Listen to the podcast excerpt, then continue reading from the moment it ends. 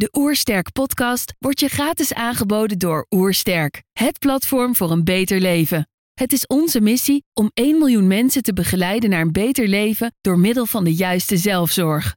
Wil je weten hoe jij kunt werken aan een beter leven? Ga dan naar www.oersterk.nu gezondheidscheck voor onze gratis gezondheidscheck en krijg direct jouw uitslag met persoonlijk advies. Ik ben Vivian Reis en je luistert naar de Oersterk podcast. Je hebt een druk bestaan en je wordt vaak geleefd. Je lijf en geest zoeken rust omdat je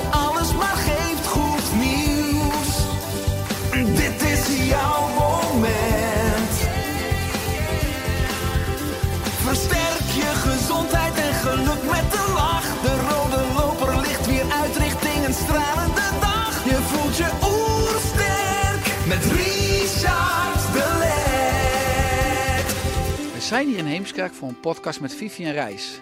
Vivian was vroeger presentatrice, maar is nu auteur, spreker, orthomoleculair PNI-therapeut en hormoonexpert. Ze is ook oprichter van het platform Viv Online. Ik ben benieuwd naar haar tips voor een beter leven. Trouwens, geniet je van onze podcast? Abonneer je dan en laat een reactie of review achter. Zo help je ons om het gezondheidsvirus te verspreiden. Let's start! De Oersterk Podcast. Een ontdekkingstocht naar een beter leven. Viv, welkom. Ja, dankjewel. Leuk. Ja, ik lees op je website. Na jarenlang zelf veel hormonale klachten te hebben gehad, besloot Vivian tien jaar geleden om zich hier helemaal in te specialiseren. En met resultaat, de hormonale klachten zijn verleden tijd. Kan je Nou. wat meer daarover toelichten? Ja, nou, ja, ik, ik was echt een hormonale draak hoor. Ik had eh, echt heftige PMS. Nou ja, ik weet niet, als mannen kijken die, en, en luisteren, die hebben vaak geen idee wat PMS is. Maar premenstrueel syndroom. Dus dat betekent eigenlijk dat je gewoon twee weken in de maand goed voelt. En twee weken echt denkt, nou wat gebeurt er nu met mij? Hè? Dat, je, dat je totaal anders in je humeur, met name je humeur, hè? dus eh, mood swings, ehm, dat je je, je cupmaat, nou dat vinden mannen dan wel vaak leuk, maar dat wordt de maat groter, maar vrouwen hebben daar meer last van. Eh, opgeblazen buik, Maar je bedoelt eh, in de zin van pijnlijke borst. pijnlijke borsten, Ja. maar vooral de- die vermoeidheid, dus dat je gewoon helemaal niet meer lekker in je vel zit. Maar de, de voornaamste klacht waar vrouwen het meeste last van hebben, is dat ze zich gewoon down en, en heel, ja, heel prikkelbaar en, en soms boos of angstig worden. En ja, dat is gewoon niet een fijn gevoel. En, en je ziet bij heel veel vrouwen dat ze dus echt een totale andere vrouw zijn in die eerste helft van de cyclus. En ik had dat ook. En ik ben toen, ehm, eh, nou dat is inmiddels twaalf jaar geleden, eh, de allereerste opleiding bij Ralf Moorman gaan doen. Omdat hij was natuurlijk de eerste die sprak over hormonen. Ja. Nou, en ben- door hem ben ik eh, echt besmet geraakt door het hormoonvirus eigenlijk. En toen ben ik na die opleiding eh, ja, me echt helemaal daarop gaan specialiseren. En heel veel opleidingen gaan doen. Omdat ik vrouwen ook echt gun wat, wat er met mij is gebeurd. En ik weet dat het kan. Ik weet dat je er iets aan kunt doen. Ja, want je had twee goede weken, twee slechte weken. Ja. En hoe is het nu? Nou, kijk, een vrouw, en daarom heb ik ook verschillende boeken geschreven, echt specifiek voor vrouwen. Een vrouw heeft nou eenmaal een cyclus. En een man heeft een cyclus van een dag. En met een testosteronpiek eh, vanaf 6 uur s ochtends tot 1 uur eh, overdag. Hè, dus net na de lunch. Dat is, de man ziet er elke dag hetzelfde uit. Maar een vrouw niet. Een vrouw is echt elke dag anders.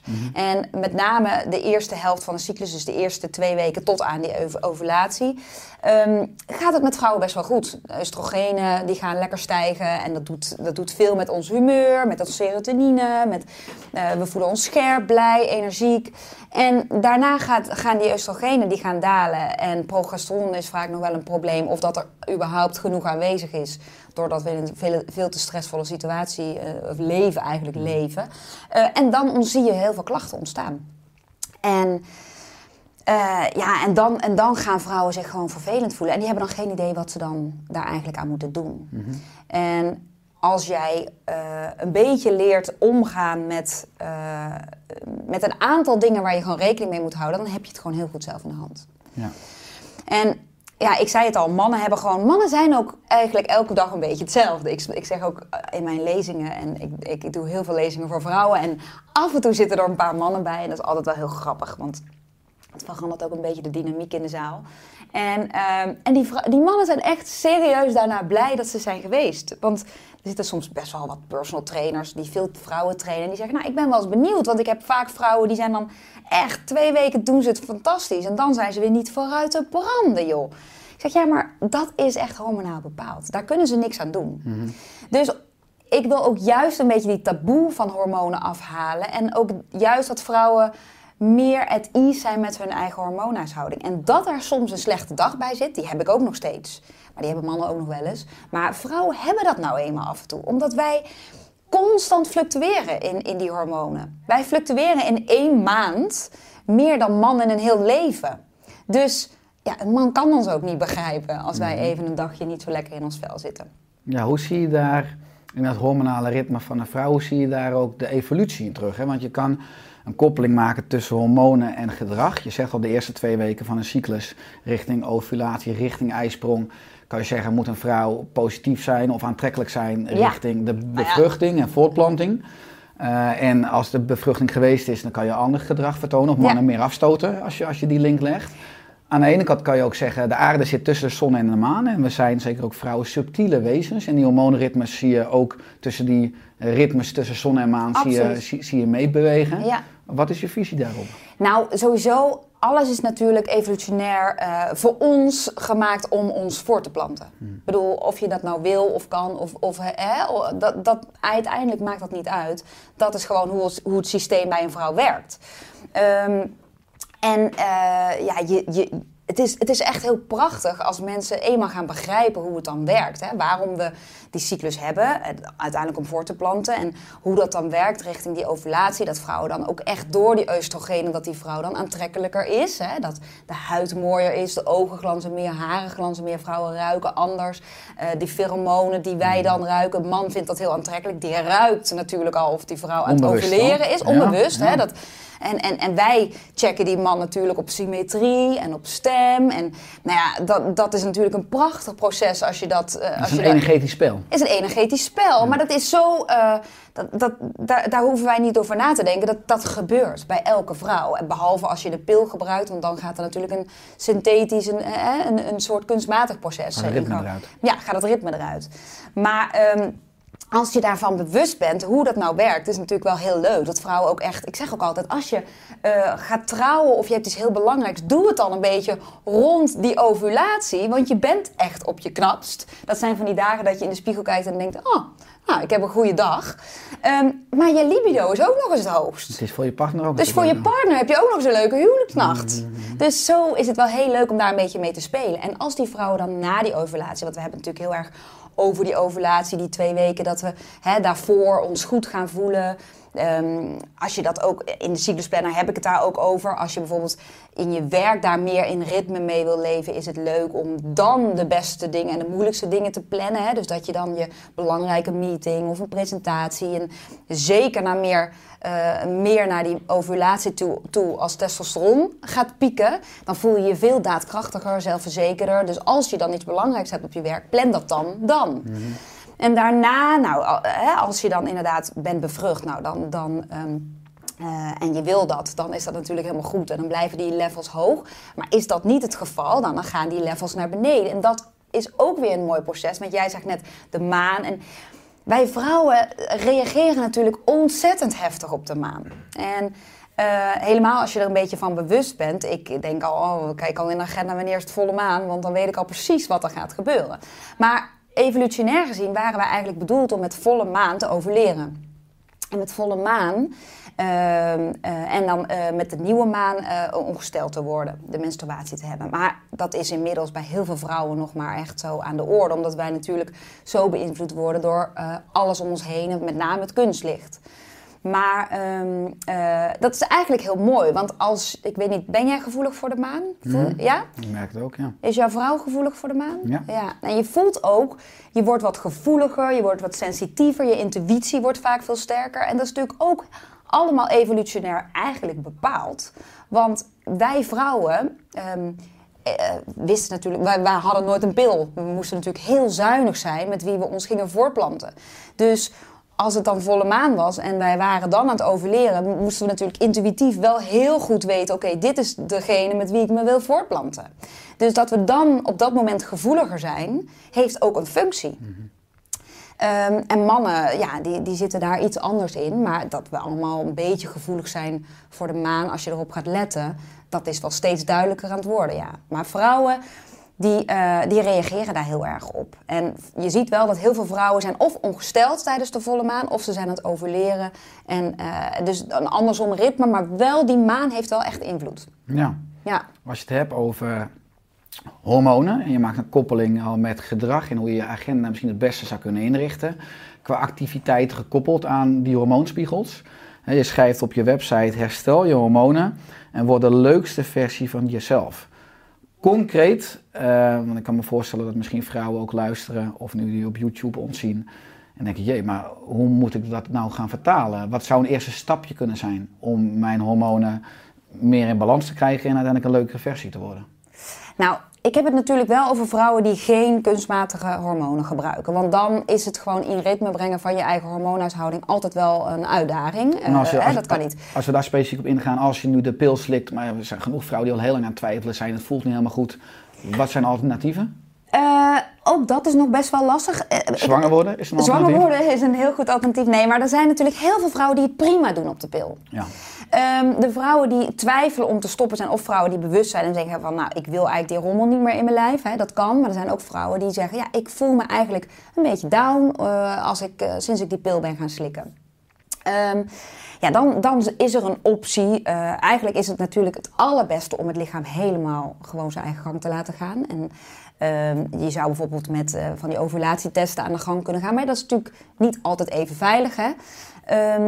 Koperspiraal is zeker het overwegen waard, omdat je dan geen hormonen in je lichaam krijgt. Maar je krijgt dan ook wel vaak weer hele heftige bloedingen. En uh, met veel stolsels. En veel vrouwen die al oestrogeen dominant zijn, want dat is vaak een van de grootste problemen in, in die hormoonhuishouding, die hebben dan daar weer meer last van. Dan heb je de Mirena-spiraal.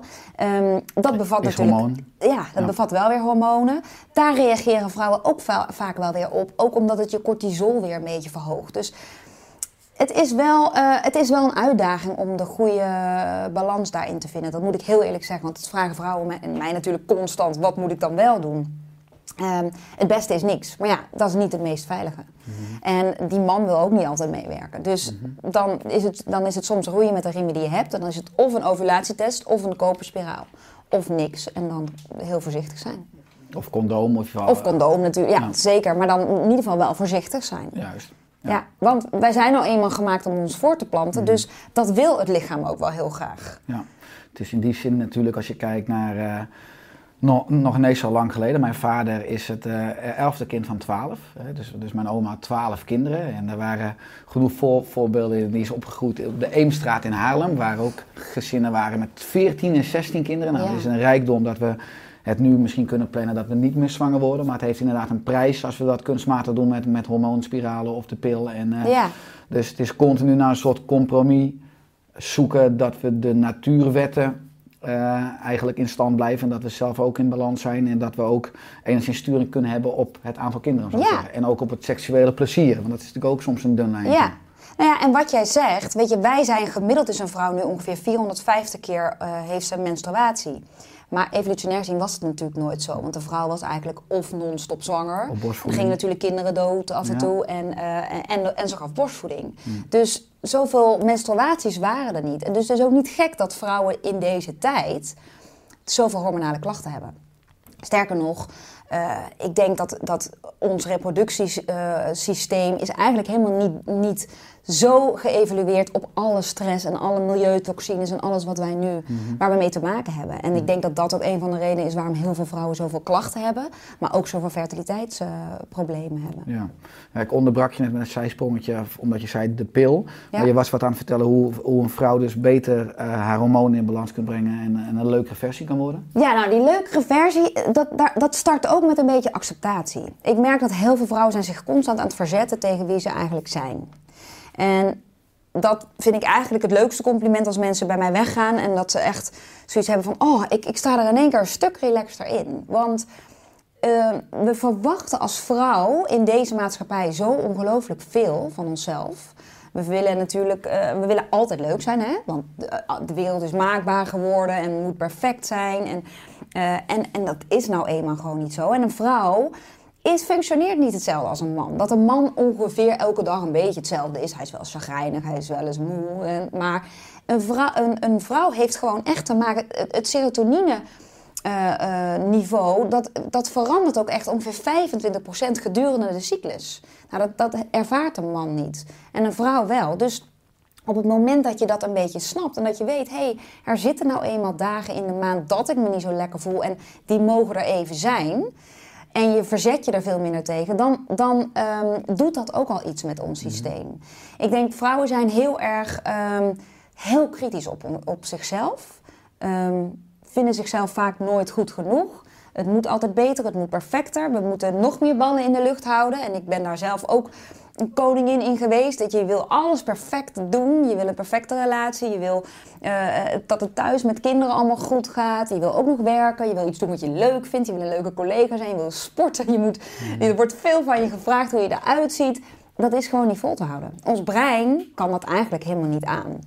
Ehm, en althans, zo denk ik erover. En dat kan je wel aan, maar dan moet je daar wel uh, op een bepaalde manier door, ja, mee leven. Dus dan moet je op een bepaalde manier eten. Dan moet je goed slapen. Dan moet je met je stress om weten te gaan. En dan hou je het vol. Maar als je al die facetten niet doet, ja, dan is het niet zo raar dat vrouwen heel veel klachten krijgen. En de leukste versie van jezelf. Op het moment dat jij uh, je door leefstijl, dus anders te gaan eten, met je stress om, om weet te gaan, hoe je gaat bewegen, en wat liever voor jezelf gaan zijn en ook misschien wel meer connectie opzoeken. Want we leven in een best wel individualistische maatschappij. En nu is het dan even totaal anders. Hè? Tijdens, zo'n, uh, tijdens deze crisis ervaren we een totaal nieuw gevoel van connectie. Het coronatijdperk. De ja. coronatijdperk. Um, maar ook denk ik dat daar... Uh, eenzaamheid doet vrouwen gewoon geen goed. Doet niemand goed natuurlijk. Maar op het moment... Uh, wij vrouwen willen er gewoon ook wel graag ergens bij horen. We, we, zijn evolutionair gezien, was dat ook zo. We waren natuurlijk als moeder als, altijd met een community en we zorgden voor de kinderen. En dus ja, het stukje eenzaamheid dat veel vrouwen ervaren... en wat dan ook nog eens wordt vergroot soms door social media... dat doet echt iets met jouw stresssysteem. Ja, dat kan ook al te maken hebben, dus niet per se met alleen zijn, maar ook met, met alleen voelen. Alleen voelen. Ja. Ik denk voornamelijk het alleen voelen. Mm. En, um, en ik denk dat social media daar wel een grote invloed uh, op heeft. En dat vrouwen dat toch het gevoel hebben, de lat moet hoger. En ik moet de leukste versie van mezelf zijn. Maar dit, dat, het is, vrouwen moeten gewoon weer zichzelf kunnen mm-hmm. zijn. En daar hoort ook af en toe een slechte dag bij. Dat je wil Netflix op de bank met een dekbedje en een kopje thee en een reep chocola. Ja. En dat even niemand tegen je, tegen je moet zeuren. En, en die, dat mag er ook zijn. Mm-hmm. Maar het lijkt wel alsof dat er bijna niet meer mag zijn. Omdat we zo streven naar die perfectie. En, en het, zo negatief eigenlijk tegen ons eigen lichaam praten. Constant verzetten tegen, oh, ik heb last van hormonen. Oh, ik zal wel dit, ik zal wel dat. Al die cellen die luisteren naar jouw gedachten. Dus op het moment dat je constant jezelf naar de sportschool sleept omdat je jezelf maar lelijk vindt en je denkt, oh, ik, ik ben leuker en als ik, als ik een, een iets kleiner maatje spijkerbroek heb, dat, dat werkt allemaal negatief op jouw hormoonhuishouding. Nou, dus enerzijds streven we een beetje een maatschappelijke norm na die ongezond is, die uit balans is en die ook een negatieve uitwerking heeft op de hormonen. Aan ja. de andere kant, wat je benoemt op social media, zien we natuurlijk allemaal misschien ook fictieve plaatjes ja. uh, van mensen die heel erg gelukkig zijn en alles perfect op orde hebben, maar vaak is de realiteit dat mensen enorm uit balans zijn. Ik heb zelf uh, in mijn praktijk voor integrale geneeskunde ook uh, nou ja, BN'ers, topsporters, mensen die enorm succesvol zijn en waren, waar ik tegenop keek maar soms schrok van hoe, hoe, enorm mensen uit balans zijn mm. en daar eigenlijk niet vooruit komen, maar je ziet een heel ander plaatje. Je komt zelf uit de mediawereld, ja. hè, het medialandschap. Je hebt ook gepresenteerd bij SBS6 onder andere. Ja. Wat zijn je ervaringen daar? Want vol, volgens mij zijn in die wereld helemaal veel hormonen uit balans. Uh, dat weet ik wel zeker. En ik weet ook, er zijn ook best wel wat vrouwen die bij mij komen, maar die zich er bijna voor schamen. Omdat het lijkt wel alsof het dat dus niet mag zijn. Terwijl 80% van de vrouwen heeft wel eens een moment in het leven dat ze last hebben van de hormoonhuishouding. En ik heb zelf een dochter van 15. D. Ik, D. Ja. ik zie al hoe dat hormonaal allemaal aan het veranderen is. En ik zie ook bij haar precies wanneer zij weer een maand gewoon heel slecht heeft gegeten. Nou, dan, dan is haar humeur ook een stuk slechter. En eh dat is echt een heel blij meisje. En dan zie je gewoon, en zeker als ze puber zijn, die ovulatie is vaak nog niet op gang gekomen. Dus dat duurt soms twee, drie jaar. Nou, dat zijn, dan zijn die menstruaties heftig. En dan zie je dus dat vrouwen, moeders, al heel snel naar de huisarts gaan. En dan krijgt die dochter krijgt dan de pil. Ja, ik vind dat zonde. Ik zou zeggen, probeer eh, met voeding een beetje aan de slag te gaan, zodat op een gegeven moment die ijsprong goed op gang komt. En dan is dat hele heftige is wel weer een beetje weg. Maar ja, blijf je die kinderen heel veel suikers geven en, en, en de McDonald's. En, ik bedoel, ik weet het, hè. De pubers, pubergedrag eh, is echt wel heel ingewikkeld om dat te beïnvloeden. Dus je moet het ook wel een beetje loslaten. Maar ik denk ook, als kinderen van die jonge leeftijd al een beetje bewust zijn... Hey, dit heeft effect op mijn humeur. Of hé, hey, ik krijg hier pukkels van. eh, want daar zijn ze heel gevoelig voor. Hè? Eh, nou, dan denk ik wel dat je daar effect op kunt hebben. Al op die jonge leeftijd. Ja, Maar in die zin zijn hormoonklachten natuurlijk een geniaal eh, biofeedbackmechanisme van je lichaam. Om je te, te laten weten dat er iets uit balans is in je leefstijl. Of het nou is je denkpatroon, Absoluut. of je eetpatroon, of je slaappatroon. Ja. Eh, en als we die signalen, die klachten niet zouden hebben, dan zouden we eigenlijk continu op de eh, verkeerde weg blijven doorlopen. En misschien op lange termijn nog meer schade aanrichten. Nou, dat vind ik het leuke aan hormonen. Daarom heb ik op een gegeven moment nou, hè, met PNI en, en, en orthomoleculaire voeding echt constant die, die hormonale kant gekozen. Omdat uiteindelijk heeft het allemaal met die hormonale assen te maken. Welke klacht je ook hebt. Heb je last van, van je darmen, je spijsvertering. Uiteindelijk heeft dat vaak wel weer met hormonen te maken. Dus... ehm, en op elke leeftijd. Want ik had het net al even over mijn dochter. Maar ik bedoel, eh, vrouwen, eh, dan hebben we het nog niet eens gehad over de beginnende menopauze. Hè? Want die vrouwen, die komen heel vaak bij mijn lezingen. Nou, die vrouwen, die hebben echt hulp nodig. Daarom gaat mijn volgende boek ook over die vrouwen. Want die... En ik ga daar ook zelf naartoe. Ik eh, ben 42. Ja, er gebeurt wel wat in je hormoonhuishouding, nu al. Dus... ehm, ja, wij vrouwen hebben er op elk moment in ons leven wel een keer last van. Of je nou aan het ontzwangeren bent of je wordt, wil zwanger worden. En iedereen heeft wel eens te maken gehad met een hormonale disbalans. En veel meer vrouwen hebben misschien eh, niet in de gaten. Bijvoorbeeld, ik zeg de norm PMS, daar hebben we het net over. Maar er zijn heel veel vrouwen die, eh, als ik de klachten zeg, ben je eh, neerslachtig een week of twee weken voordat je ongesteld wordt. Heb je last van een opgeblazen buik? Voel je je bijna zwanger? Heb je opgezette pijnlijke borsten? Eh, ja, dat heb ik allemaal wel. Maar dat, ik wist niet dat ik PMS had. Dus mensen weten ook vaak niet zo goed om een naam aan te geven, maar ze hebben wel die klachten.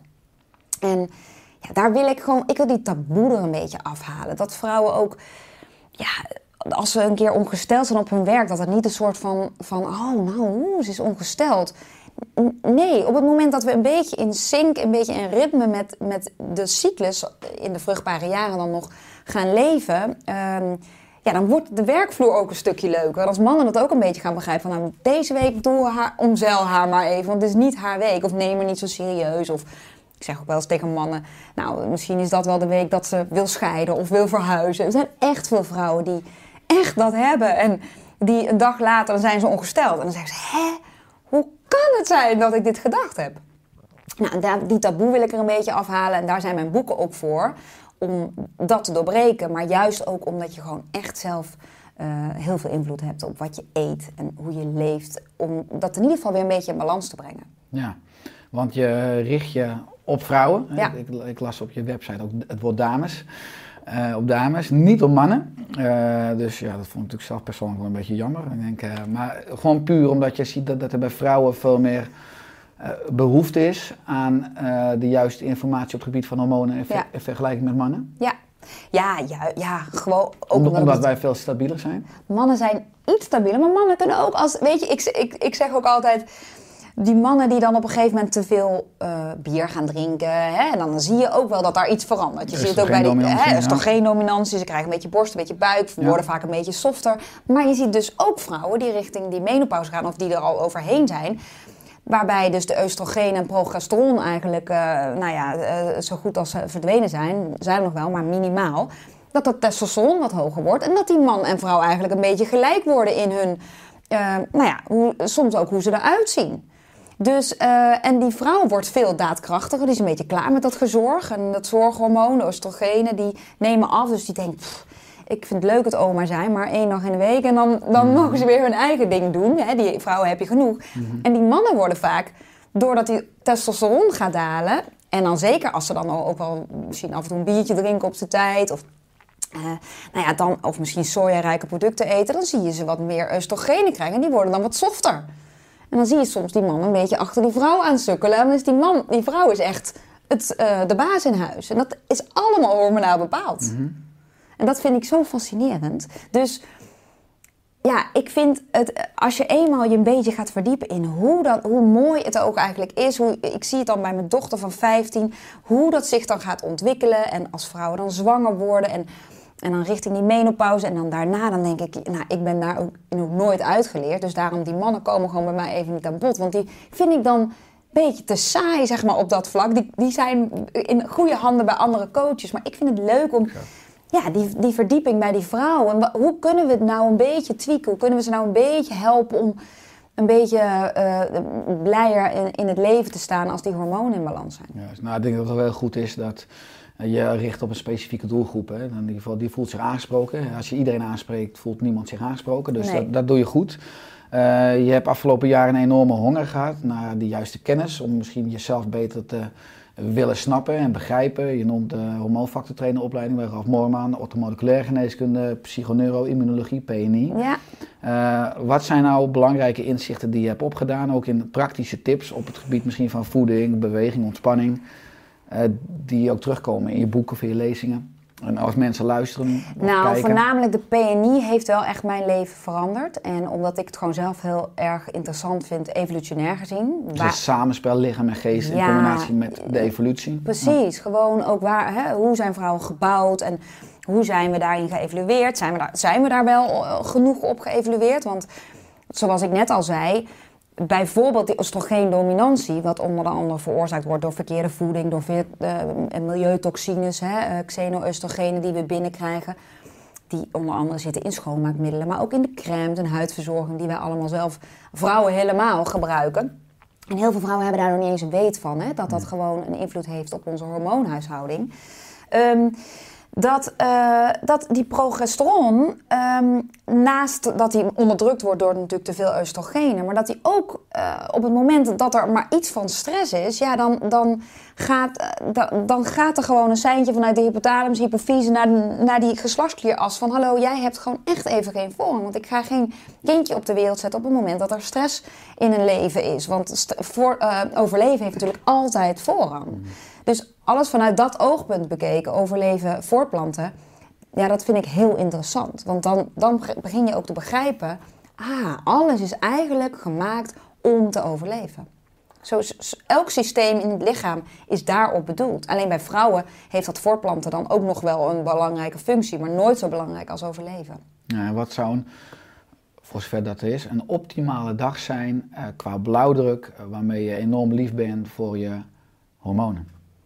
Qua hoe je ontspant, eh, hoe je eet of hoe vaak je eet of hoe je beweegt of hoe vaak je zit. Nou ja, ik heb in het boek Herstel je hormonen heb ik het 10 stappenplan eh, gemaakt. En ehm, ja, op één staat voor mij wel, dat stond toen niet in het boek toen ik het schreef, is inmiddels twee jaar geleden, maar nu zou ik hem meteen op één hebben gezet, is stress. En, en daar bedoel ik niet per se stress dat er iets heftigs moet gebeuren. Hè? Je hoeft niet eh, een scheiding of het overlijden van iemand mee te maken of verhuizing of whatever. Maar die dagelijkse stress, waar wij eigenlijk allemaal mee te maken hebben. En eigenlijk het gevoel van altijd aanstaan. En zeker als vrouw zijnde.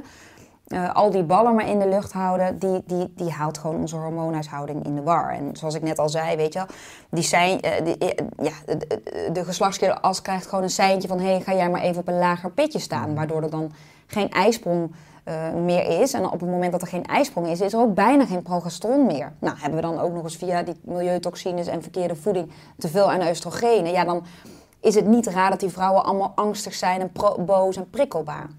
Dus ik zeg eh, altijd die stressbeheersing. Wat, eh, wat geeft jou nou stress? Dus in mijn online programma en in mijn lezingen laat ik mensen ook echt even heel goed eh, kijken naar hun eigen stress. En dat kan al echt de raarste dingen. Weet je, ik heb, ik heb het zelf ook in de ochtend als kinderen niet eh, meewerken. En, en, en je moet hè, weer eh, die kleding wisselen en je bent te laat voor school en die boterham. Dat, nou, ik, ik weet zeker als je dan mijn, mijn cortisol gaat meten, dat daar gewoon iets, aan, iets te zien is.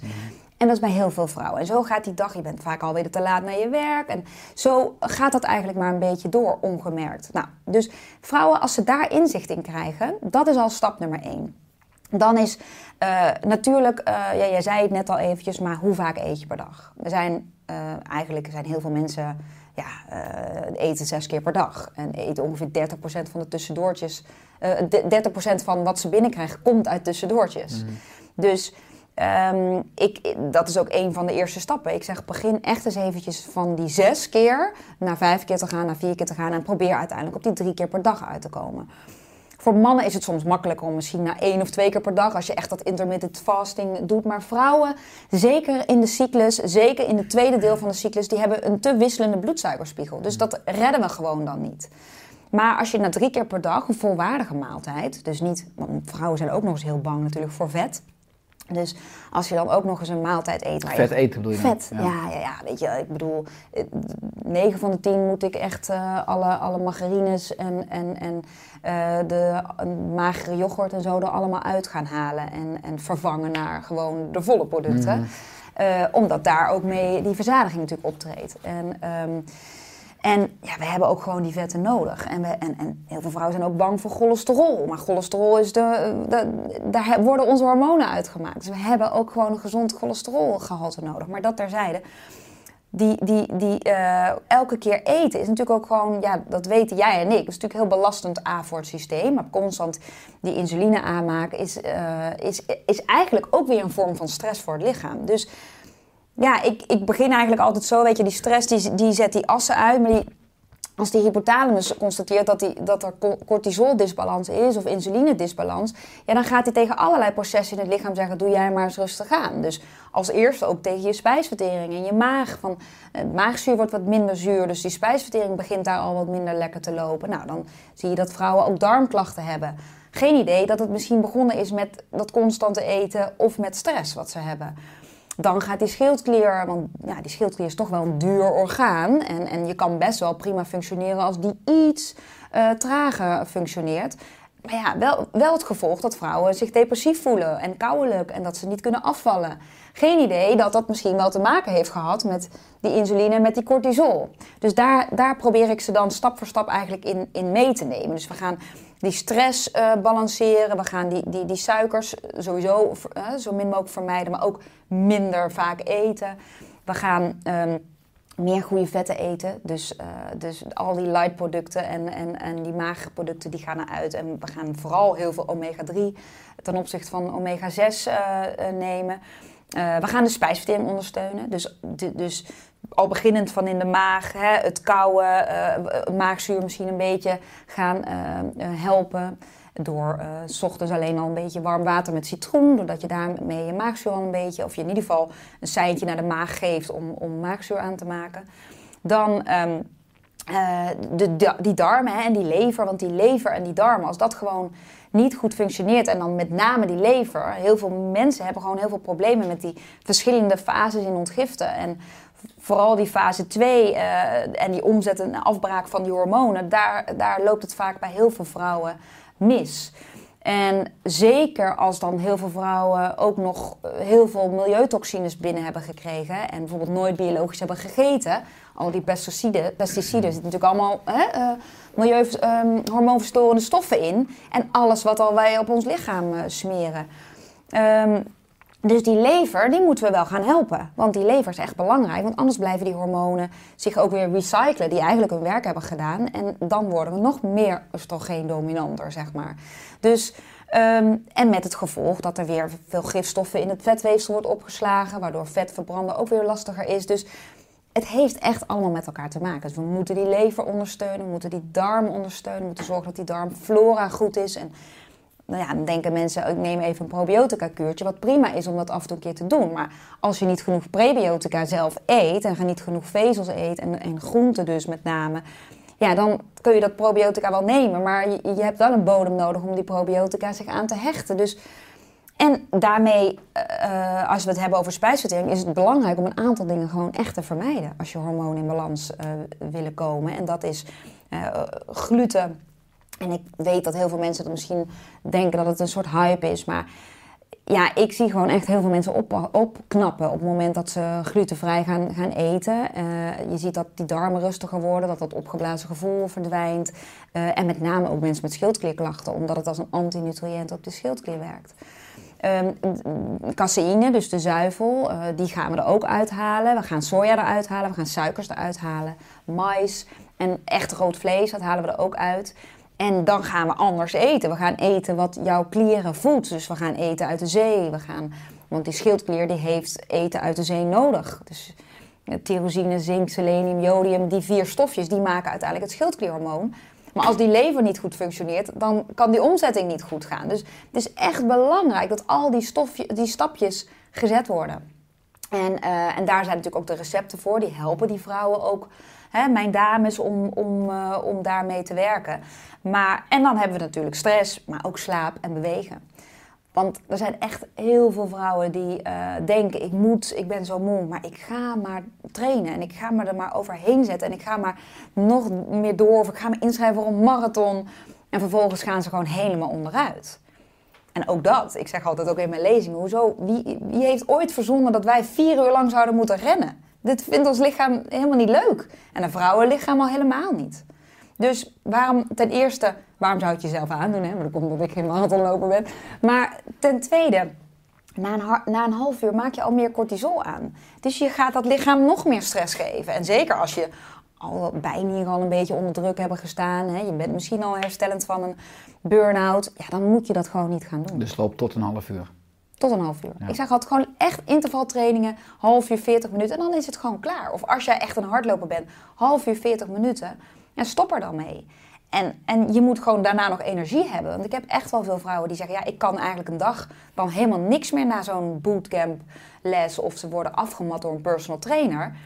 Dus ja, daarom ben ik ook altijd heel blij als personal trainers bij mij in de, in de lezing komen. Die zeggen ook echt van, nou, ik, ik, ik snap het nu echt. Ik ga die vrouwen ook in die fases, zeker in de tweede helft van de cyclus, gewoon wat milder daarmee omgaan. Anders op aansluiten. Ja. ja. Je geeft aan dat het ja, bijna een levenskunst is dus om eigenlijk in het moderne leven je hormonen in balans te houden. Ja. En dat stress misschien uh, de belangrijkste factor is. Nou, als ik naar jou kijk, je bent moeder van Day, uh, je bent moeder van James. Ja. Uh, je hebt een platform, Viva Online. Je schrijft boeken, je geeft lezingen. Je bent een bezig bijtje. Hoe hou je zelf balans in je leven? Nou, ook ik worstel daar wel mee. en, nou ja, ik... ik um, ik heb, een, ik heb veel energie. En ik vind heel veel leuk. Ik vind mijn werk echt het allerleukste wat er is. En ik zie het ook echt als mijn missie om die vrouwen te helpen. Dus dat, dat is gewoon mijn ding. Um, je bent er altijd mee bezig, bedoel je? Altijd. Ja. Het dus gaat altijd door. Altijd. Ik lees en ik, ik leer en ik, ik, ik doe al twaalf jaar lang opleidingen. Dat is nog nooit een jaar dat ik geen opleiding heb gedaan. Omdat ik gewoon, ik ben heel nieuwsgierig naar kennis. En um, ja, ik, ik, ik worstel daar net zo mee als al die vrouwen. En ik denk ook dat dat belangrijk is voor die vrouwen om te voelen. Dat je niet, er is geen één vrouw een superhero. Ik ken niet één vrouw die daar elke dag uh, fluitend doorheen gaat. Het blijft een uitdaging. En ook ik heb nog af en toe wel eens een paar dagen dat ik denk: Jezus, wat is er met mij aan de hand in godsnaam? En dan denk ik terug, denk: Ah ja, ik heb wel weer veel stress gehad. Ik heb misschien wel weer een beetje te veel hooi op mijn vork genomen.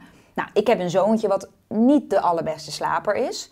Dat heeft mij een half jaar geleden wel echt onderuit gehaald. Niet hem, maar dat je drie jaar eigenlijk geen nacht doorslaapt. Hmm. En slaap is ook een stap in mijn boek. Ja, dat is geen, dat, daar knapt niemand van op. En als je dan ook nog een beetje stress hebt en je, en je doet heel veel en je, je kunt heel slecht ontspannen. Ja, dus dat, ik heb daar ook in wel heel veel moeten leren. Dus ik probeer wel echt, um, ik ben niet zo goed in nee zeggen, maar ik probeer nu wel echt nee te zeggen naar dingen die, waarvan ik denk, nee, voegt dit op dit moment iets toe aan mijn leven en, en, en moet ik dit echt doen? Nee.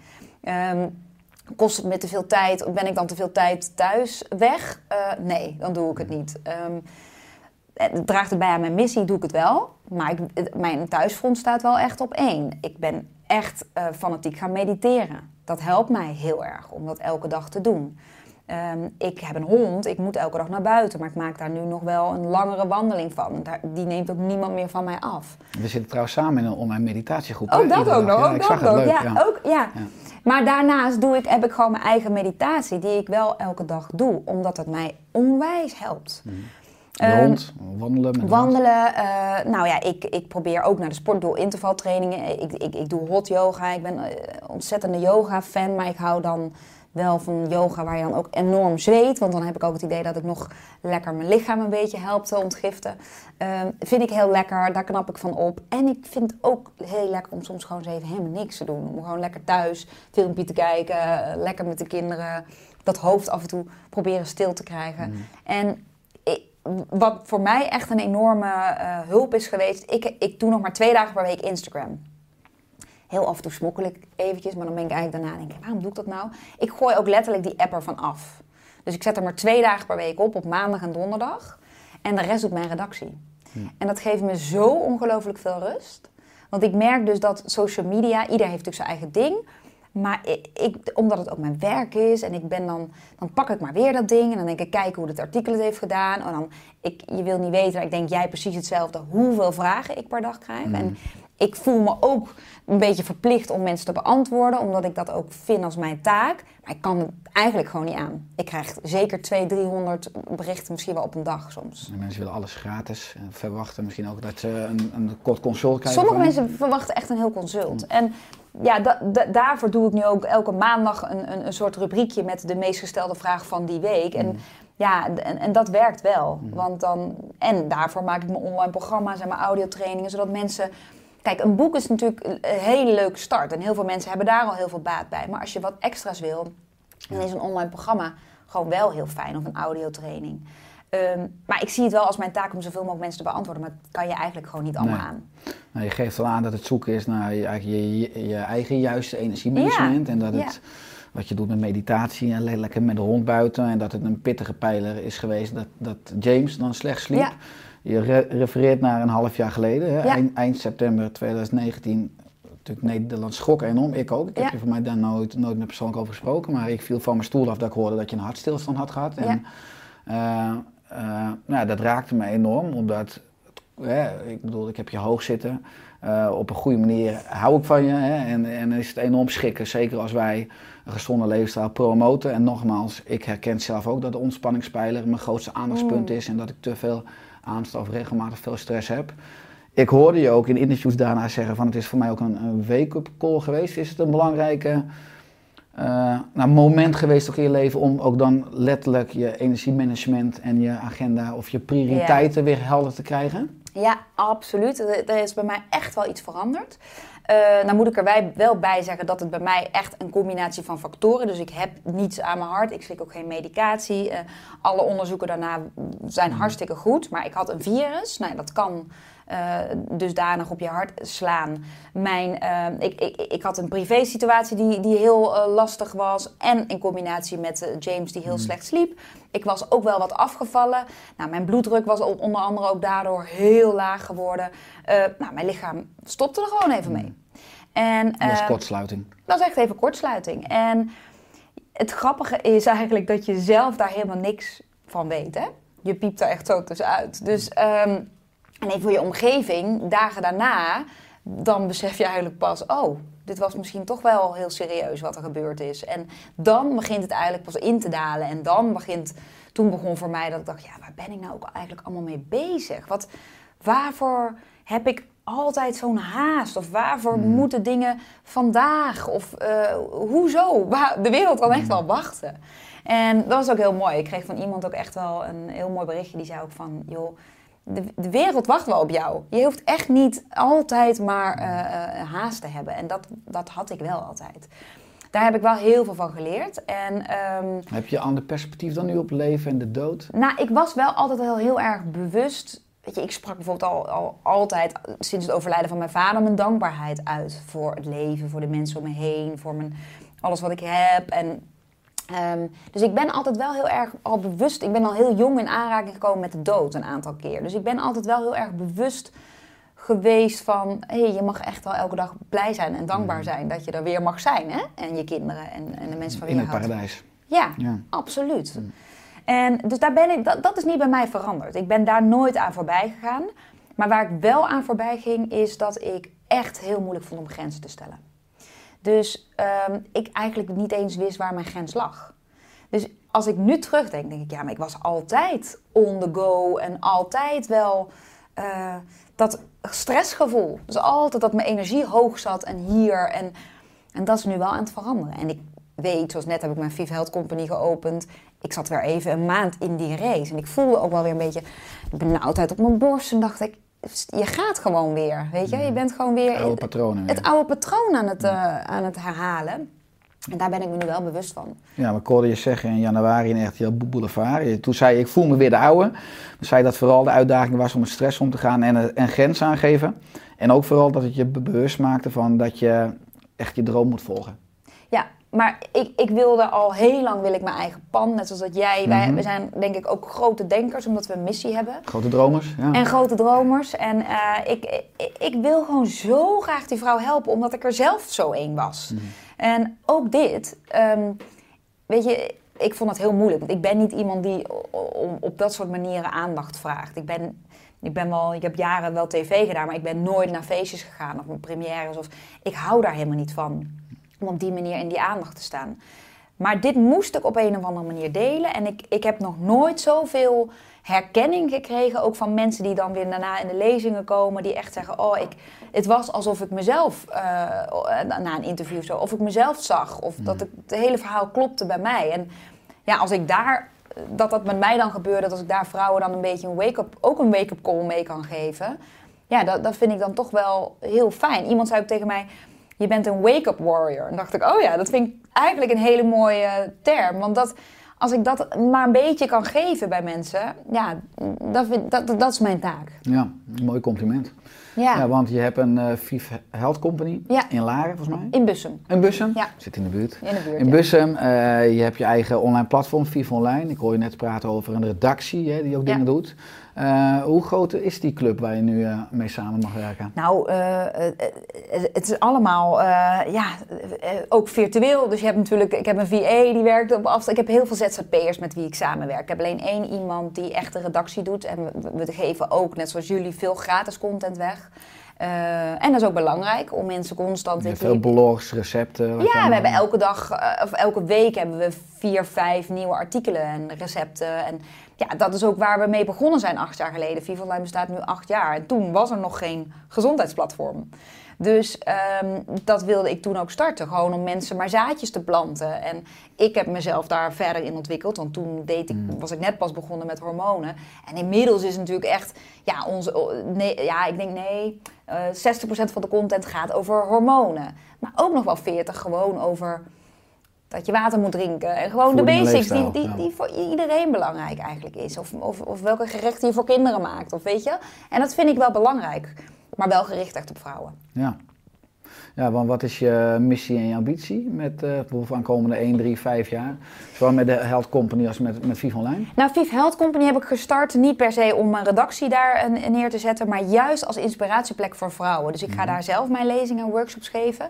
Maar andere mensen eh, mogen daar ook hun workshops en, en, en lezingen geven. De ruimte is Eh, te huur. En de ruimte is te huur. En eh, nou ja, Jesse van der Velde heeft net filmpjes opgenomen. Het is een leuke ruimte die ook heel aantrekkelijk is om filmpjes op te nemen in de keuken. Ehm, ja, ik ga daar mijn online programma's opnemen. Maar het is echt een plek die ik wil delen met andere mensen. En het is een hele vrouwelijke plek. Net als bij jou is alles een beetje groen. Bij mij is alles roze. Dus ehm, het is echt een plek waar vrouwen eh, een soort huiskamergevoel en Sluit blij ook van aan bij worden. je huisstijl van Vive Online. Dat Ja, roze. ja, ja, weet je, Ja. mijn boek is ook roze. Ja, ik Ja. hou nou eenmaal van roze. Maar, ehm, dus dat- Vive Health Company is echt gewoon de plek eh, waar, we gewoon, waar alles een beetje samenvalt. Ehm, mijn droom is natuurlijk om mijn boeken in het buitenland, eh, daar zijn we nu heel hard mee bezig, om die in het buitenland uit te brengen, om de rechten te verkopen. Ehm, ja, want Engelstalig bedoel je dan? Engelstalig en Duitsland. We zijn daar nu heel hard mee bezig. Ja, dat zou natuurlijk super mooi zijn om, om die boodschap nog verder te Ga je verspreiden. dan lezingen geven in het Duits en in het Ja, dat Engels? zou ik wel willen, ja. ja. Ga even een weekje naar de nonnen. En, Ja, Vught, ik ben er ook geweest Engels. Ja, nee, ik, ik heb een jaar in Zwitserland gestudeerd, dus mijn Duits is oké. maar ik ga nog wel even fine-tunen, dat, dat moet dan wel, als dat zo. Maar dat, dat, is nog, dat is in ieder geval wel de droom. Ik hou van schrijven, dus ik, er komt ook wel weer een nieuw boek aan. En ik denk in oktober, maar ik zei het net al even over die vrouwen die beginnende menopauze, hè, dus die 40-plussers, daar is dit boek echt voor. 35, 40. Ehm, en, eh, en ja, ik wil gewoon mijn boodschap nog meer verspreiden. Wereldwijd. En eh, boeken schrijven, lezingen geven. Dat is gewoon mijn missie en mijn vak eigenlijk. Ja. Wat is nou, want de afgelopen jaren heb je natuurlijk veel meegemaakt. We hebben zelf een aantal jaren geleden een avond mogen verzorgen voor de Rabobank. Ja. Dan gaan we bij een lezing en jij mocht daar ook hapjes maken. Eh, wat is nou het, eh, het leukste wat je in al die jaren hebt meegemaakt? Oh jee, het leukste. Ehm, nou, dat is echt ehm, een behoorlijke vraag. Of het gekste? Nou, het, nou ik, ik vind mijn werk gewoon sowieso heel... Ik vind eigenlijk het allerleukste die lezingen door het land. En dat mis ik dan nu ook, deze periode, het meest, omdat... Maar krijg je dankbrieven van mannen? Van dankjewel, dankzij jou heb ik mijn Nou, vrouw weer terug, weer in Ja, die krijg ik serieus. Ik krijg nou wel of berichtjes eh, hè, via Instagram of Facebook van, eh, nou ja, eh, ik, eindelijk begrijp ik haar en ik, ja, ze is echt een andere vrouw geworden. Ik heb ook mannen die consulten met mij inplannen voor hun vrouw. Dat vind ik Oh, ook ja? altijd heel grappig, ja. Ehm, maar ook mannen die inderdaad mij, of vaders. Ik had laatst een vader, vond ik zo leuk, die mij een mail stuurde van...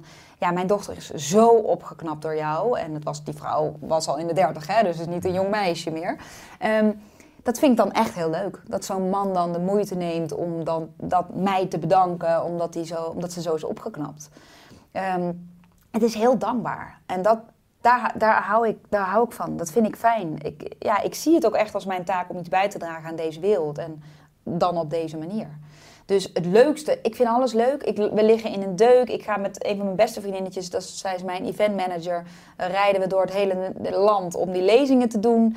Ehm, we maken de gekste dingen mee. Eh, ehm, het is, voor, met die vrouwen is het echt een soort ja, eh, het is bijna alsof het vriendinnen zijn. Je haalt ze er ook precies uit. Je weet precies wie, de, wie mijn volgers en mijn lezers zijn. Dat, het is echt heel grappig.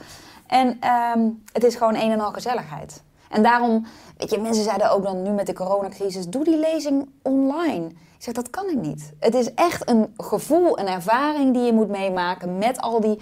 Ja, ik denk dat jij dat hetzelfde ervaart tijdens je het lesgeven je brengt iets mee, je brengt iets over. En Het is mensen, energiemanagement. het is Ja. echt energiemanagement. En dat kan je niet met een online programma of een online Tegen lezing. camera, eh, ja. dat, nee, dat kan ik niet. En ik vind het ook echt leuk. Dus ehm, nee, ik, ik vind mijn werk echt superleuk. En ja, ik, ja, ik, ik, maak, ik, ik kan er niet zo 1, 2, 3 het allerleukste uithalen. Maar ik- het is allemaal leuk wat ik doe. Mhm. Ik neem aan dat in die zaal toe ook lekker de, de lachstuipen doorheen Heel gaan. veel. Ja. Ja. en de herkenning. En dat is zo leuk. En je ziet precies, ik weet precies welke plaatjes er dan gefotografeerd worden, die meteen weer naar die man eh, gestuurd Uit worden. presentatie, Uit ja. de presentatie. En ja, en als vrouwen dan daarna zeggen van joh, ik heb je boek gekocht, ik ben ermee aan de slag gegaan en eh, ik voel me zoveel beter. Ja, ik heb nog wel eens een slechte dag. Hé, hey, die heb ik ook. Mhm. Die hebben we allemaal wel eens. Maar dat het dan zoveel beter gaat, ja, dan, dan maakt mijn hart een sprongetje. Of dat ik dan in één keer een geboortekaartje krijg. Dus deze week kreeg ik nog een appje van iemand die eh, na, na jaren proberen in één keer zwanger is. En niet dat ik de... Ik heb geen gouden sleutel of gouden tip of... ehm, Je hebt het niet in de slaapkamer ik bijgestaan heb qua echt adviezen. niet, ik nee, echt niet. Maar ja, als je op het moment dat mensen bewust worden van wat ze leven en kleine stapjes anders gaan doen en andere supplementen gaan nemen, ja, dan zie je dus dat er iets kan gebeuren. En dat Ja. vind ik heel mooi. Ja, nou, aan, aan de ene kant heb je natuurlijk dat veel mensen je prijzen. Ik heb in mijn zalen over het algemeen ook meer en heel vrouwen, maar ook relatief veel mannen. Nou, mannen zijn in mij natuurlijk ook wat kritischer Ja. in, de, in de aanname van je boodschap. En stellen soms wat eh, ook nou, goede vragen. Eh, als je natuurlijk ook je, je hoofd boven het maaiveld uitsteekt, dan krijg je veel lof. Maar je krijgt ook kritiek Tuurlijk. op mensen hakken je kop eraf. Ja. Je komt natuurlijk uit het medialandschap. Je hebt je natuurlijk wat meer in de zorg en in de geneeskunde. Is dat voor jou ook dan uitdagend geweest dat je af en toe tegengas krijgt? Nou, wat ik, ik word nog steeds foodbloggertje genoeg. Weet je? En dat, dat, dat raakt mij natuurlijk in mijn ego. Geen bloggertje, maar Ja, gewoon ook? voet, nee, echt bloggertje. food, food. Ah, je bent toch een foodbloggertje of zo? Hè? Of je hebt toch ooit tv gedaan en nu doe je toch een beetje iets met koken. En dan, dan moet ik me echt inhouden. Maar ik weet als ego, dat slaat nergens op. Ik weet zelf inmiddels hoeveel opleidingen ik heb gedaan. Nee, ik ben geen arts. Eh, eh, achteraf met terugwerkende kracht dacht ik, oh, dat had ik gewoon moeten gaan studeren. Maar ja, dat is nu eh, te laat. Maar ik heb... Ja, ik maar heb dat is een stukje bewijsdrang dat is dus. bewijsdrang. Want uiteindelijk verandert de kennis niet. En En de intentie verandert ook niet. en de intentie ook niet. En tuurlijk zijn er mensen die aansluiten op mijn boodschap. En tuurlijk zijn er, zijn er altijd mensen die veel meer weten dan dat ik weet. Ehm, Maar ik denk dat dat maakt niet uit. Ieder kiest zijn eigen, eigen, eh, eigen richting en zijn eigen pad. En er zijn altijd mensen die kritisch zijn. Er zijn altijd mensen die jaloers zijn. Ik moet me nog steeds bewijzen dat mensen denken... Hè, maar jij deed toch iets op tv? En hoezo weet je... Wat weet jij dan nu in één keer van hormonen? Maar dat probeer ik dan maar naast me neer te leggen. Word je er in- in- inmiddels moe van? Of kan je daar continu wel ook weer energie en aandacht voor opbrengen... om dat op een rustige manier ik van moet- repliek te dienen? Ik ben wel dus heel goed in mijn afsluiten van negatieve comments. Ik lees ook nooit comments. Dus dat is grappig, tip, want ja. ik, ik, ik, eh, ik promoot wel eens producten, eh, eh, waaronder de Green Juice, omdat ik dat zelf echt gebruik.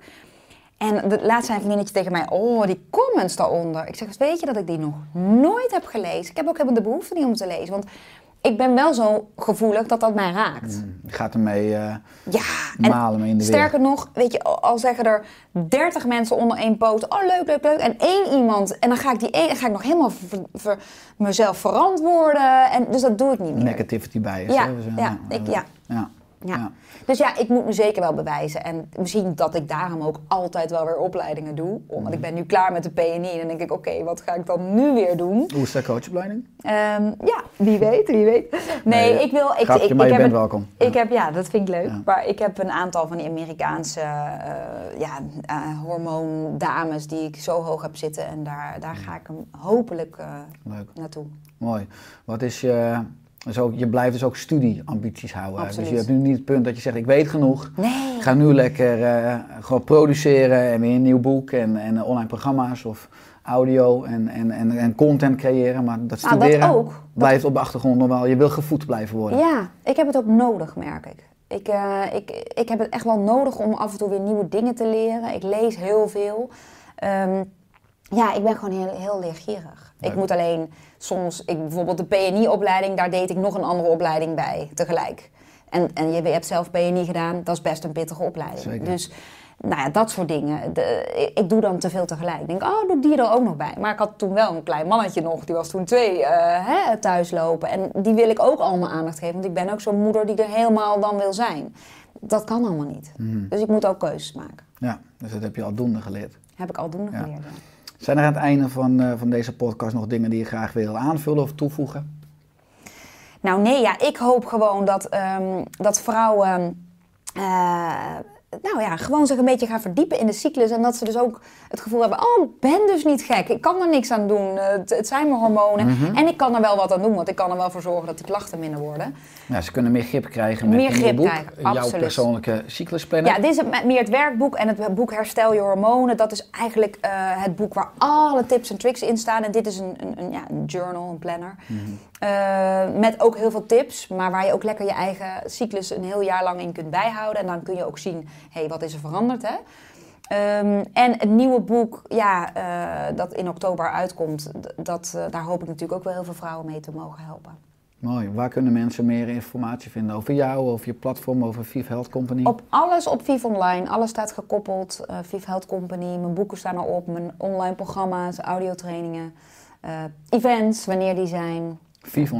Vivonline.nl. Mooi. Dankjewel Vive voor je Ja. aanwezigheid. Jij ook bedankt. Vond het leuk. Met liefde. Leuk om elkaar ook in deze context Ja, weer, heel eh, leuk. weer te Ja. spreken. Ga door met je mooie werk en vooral het bereiken van, eh, van die vrouwen en het herstellen van al die hormonen. Eh, blijf goed voor jezelf zorgen, want ik ben ook zuinig op je, ik ben zuinig op elkaar. En laten we vooral aan komende jaren samen nog heel veel impact gaan maken. Ja, leuk. Gaan we zeker doen. Dankjewel hè.